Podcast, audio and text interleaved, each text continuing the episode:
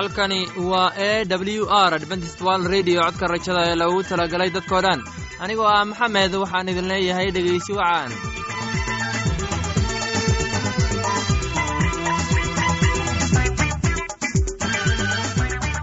barnaamijyadeena maanta waa laba qaybood. Qaybta kuwaad waxaad ku maqli doontaan barnaamijka nolosha qoyska oo inoo soo jeedinaya sulaymaan. Kadib waxaa inoo raaci doonaa cashar inaga imanaya bugga nolosha oo inoo soo jeedinaya faarax labadaasi barnaamij ee xiisaha leh waxaa inoo dheeraysa daabacsan oo aynu idiin soo xulnay kuwaas oo aynu filayno inaad ka heli doontaan dhegeystayaasheena qiimaha iyo khadradda lahow waxaynu ka codsanaynaa inaad barnaamijkeena si haboon u dhegeysataan.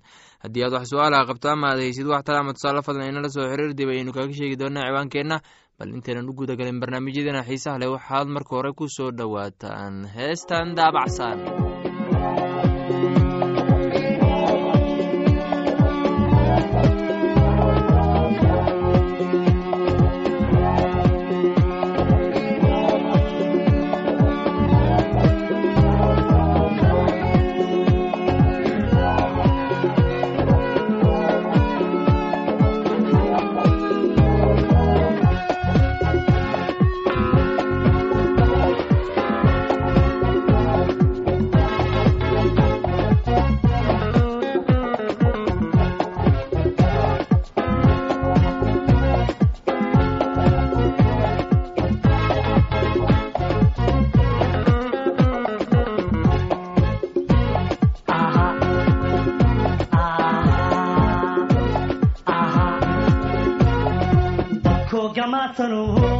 gawguna hurda sida gaarsan tari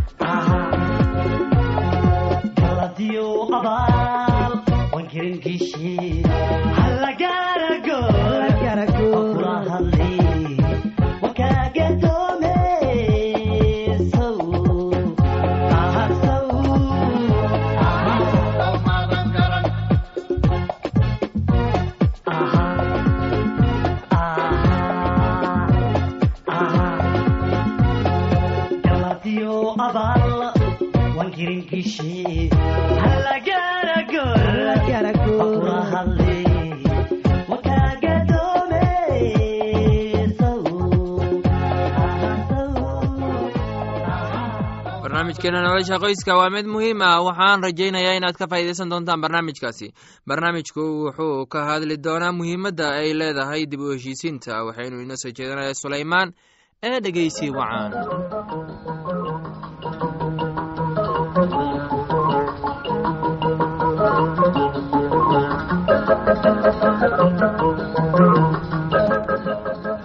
haddii aynu soo ogaanay waxay tahay dib u heshiisiin. Haddaba waxaa muhiima inaan isweydiinno su'aasha ah maxay tahay muhiimadda ay leedahay muxuu ahayn dib u heshiisiin?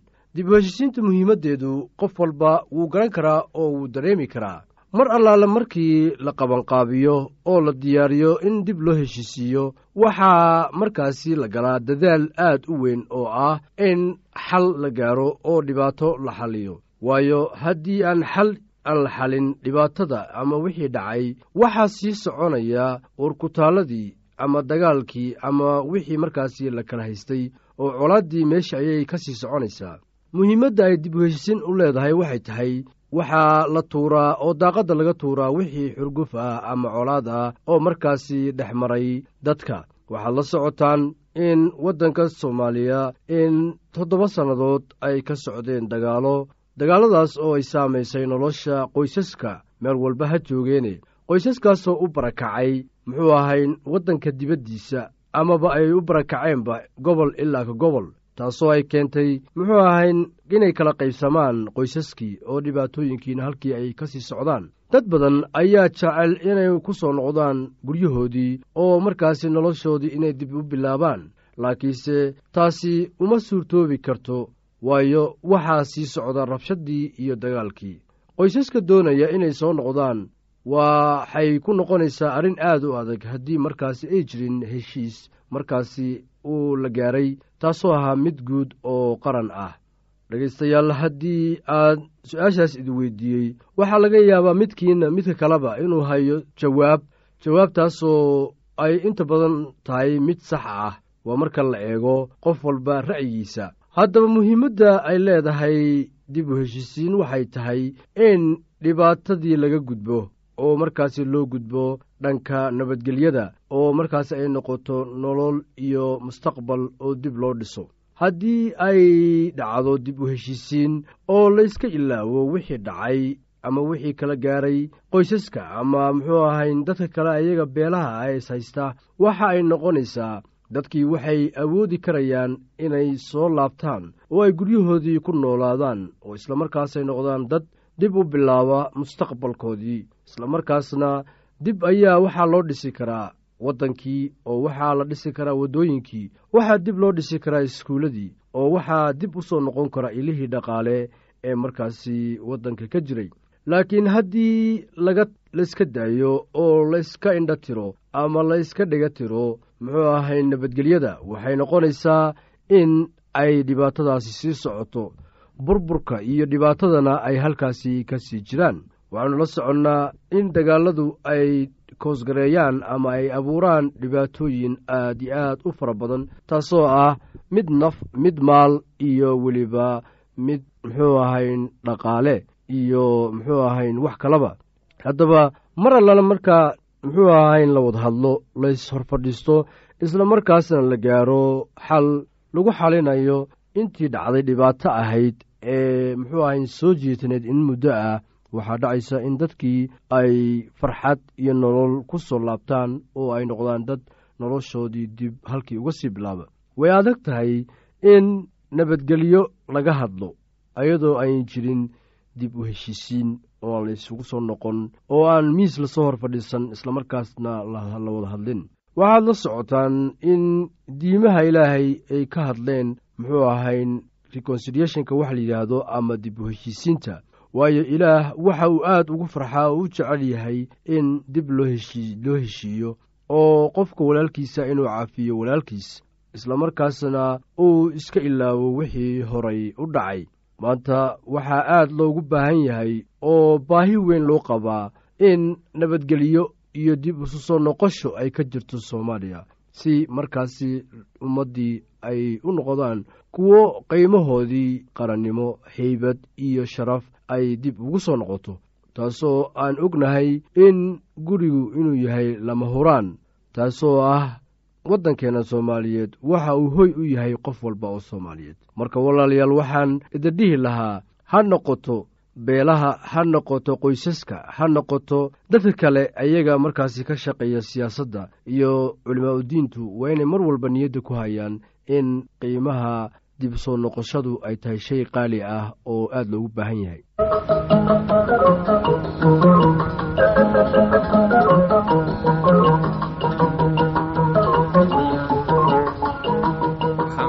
filayaa in aad si aboon dhegeysateen casharkaasi haddaba haddii aad qabto wax su'aal ah oo ku saabsan barnaamijkeenna nolosha qoyska fadlan inala soo xiriir ciwaankeenna waa codka rajada sanduuqa boostada afar laba laba todoba lix nairobi kenya. Mar labaad ciwaankeenna waa codka rajada sanduuqa boostada afar laba laba todoba lix nairobi kenya. Waxaad kaloo inagala soo xiriiri kartaan emeilka somali e w r at yahu dt com. Mar labaad emeilka anagu waa somali e w r at yahu dt com.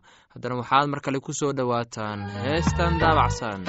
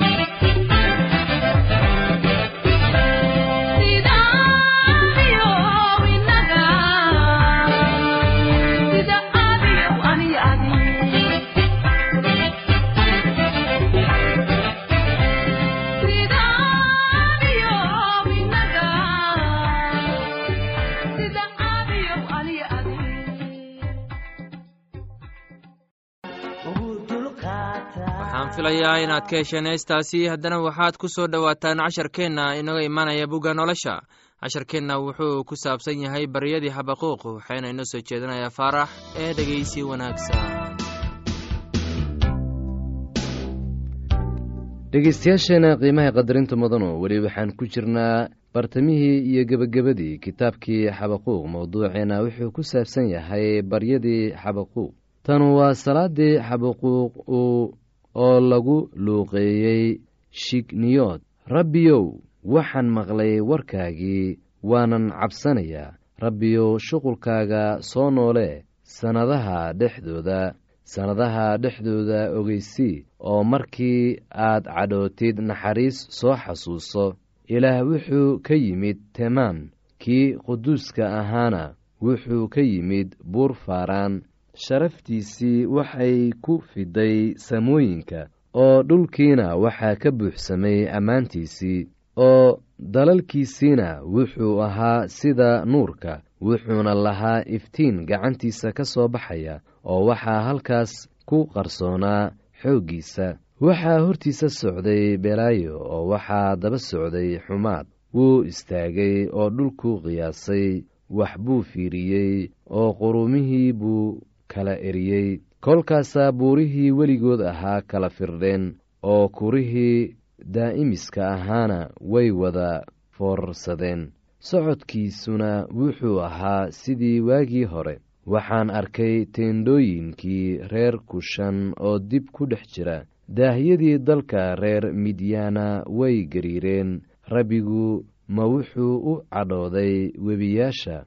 Ma waxaad u xanaaqday webiyaasha mase waxaad u cadhootay badda ma saas aawadeed baad u soo fuushay fardahaaga iyo gaarifardoodyadaadii badbaadinta. Qaansadaadii daaha baad ka qaaday dhaartii aad qabiilooyinka ugu dhaaratayna waxay ahayd erey run ah. Dhulka waxaad ka dilaacisay webiyaal buurihii way ku arkeen oo way cabsadeen biyaha xoogga lahuna way iska gudbeen moolkii godkiisuu ku haray gacmihiisiina kor buu u taagay qorraxdii iyo dayaxiiba waxay istaageen rugtoodii. Markay fallaadhahaaga nuuraya lalayeen iyo markuu warankaaga dhalaalaya birbirqayay dalkii xanaaq baad kula dhex socotay quruumihiina cadho baad ku tumtay waad u soo baxday inaad dadkaaga baabi'iso daraaddeed iyo inaad badbaadiso kaaga subkan. Reerka sharowga madaxiisa waad dhaawacday aasaaskiina waad soo bandhigtay. Madaxii dagaalyahanadiisa waxaad ku mudday ulihiisa. Waxay u yimaadeen sidii dabayl cirwarayn ah inay ikala firdhiyaan daraaddeed. Raynrayntooda waxaad waxay ahayd inay masaakiinta qarsoodii u dhammeeyaan. Fardahaagii waxaad kula tumatay baddii taasoo ahayd biyaha aad u badan oo iskor taalaysan oo codkii aawadiis ayaa bushimahaygu la dhaqdhaqaaqeen. Lafahaygiina way qudhmeen oo meeshaydan ku gariiray inaan iska nasto intaan sugayo maalinta dhibka oo ay ciidamadu ku soo kici doonaan dadka.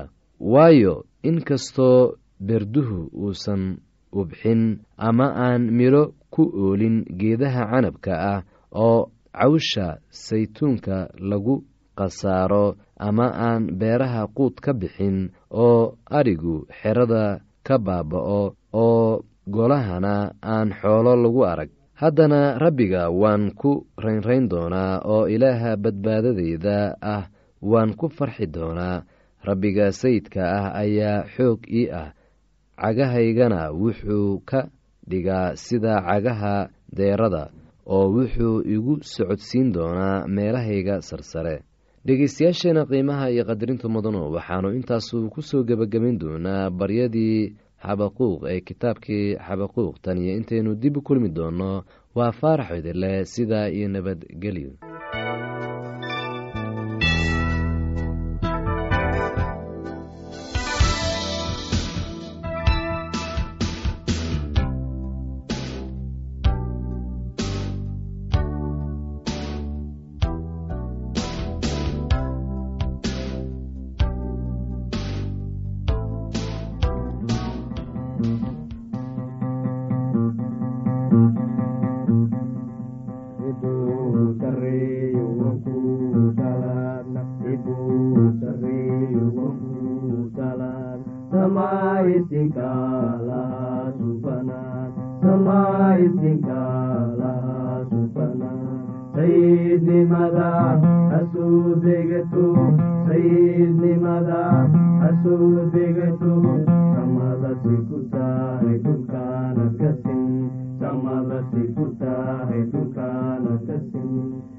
nasiicunna iyo waxaan cabnaba nasiicunna iyo waxaan cabnaba nasiisa ka suurtaan u baahannahay nasiisa ka suurtaan u baahannahay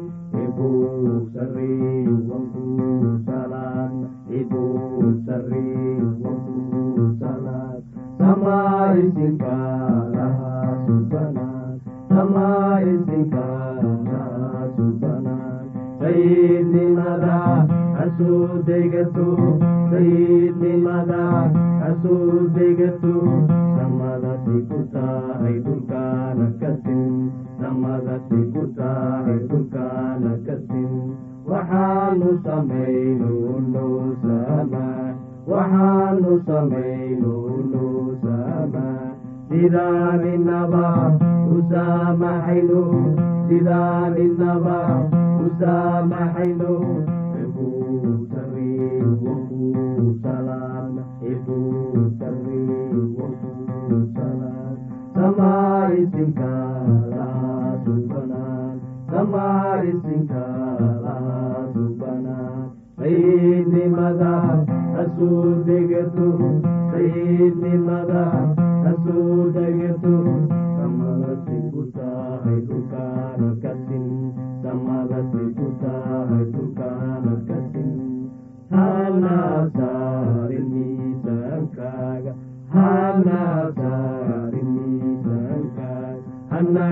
siidayn siriiq shaydaan hanagu siidayn siriiq shaydaan ibuu sariyu wakuu salaam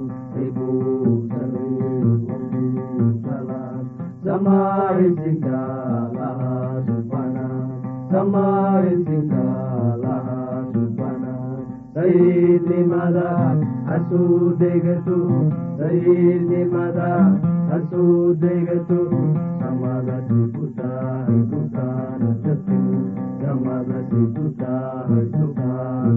casharkaasi inaga yimid bugga nolosha ayaynu ku soo gogoweyneynaa barnaamijyadeena maanta halkaad inagala socoteen waa laanta afka soomaaliga ee codka rajada ee lagu talagalay dadkao dhan haddaba haddii aad qabto wax su'aala ama aad rabtid inaad wax ka korsato barnaamijka caafimaadka barnaamijka nolosha qoyska ama aad doonayso inaad wax ka barato bugga nolosha fadlan inala soo xiriir ciwaankeenna waa codka rajada sanduuqa boosada afar laba laba todoba lix nairobi kenya. Mar labaad ciwaankii anigu waa codka rajada sanduuqa boostada afar laba laba todoba lix nairobi kenya. Waxaad kaloo inagala soo xiriiri kartaan emeilka somali e w r at yahu dt com. Mar labaad imeilka anigu waa somali e w r at yahu dt com. Dhegeystayaasheena qiimaha iyo khadradda lahow meel kasta aad joogtaan. Intaa mar kale hawada dib ugu kulmayno waa anigoo ah maxamed waxaan idin leeyahay sidaas iyo nabadgelyo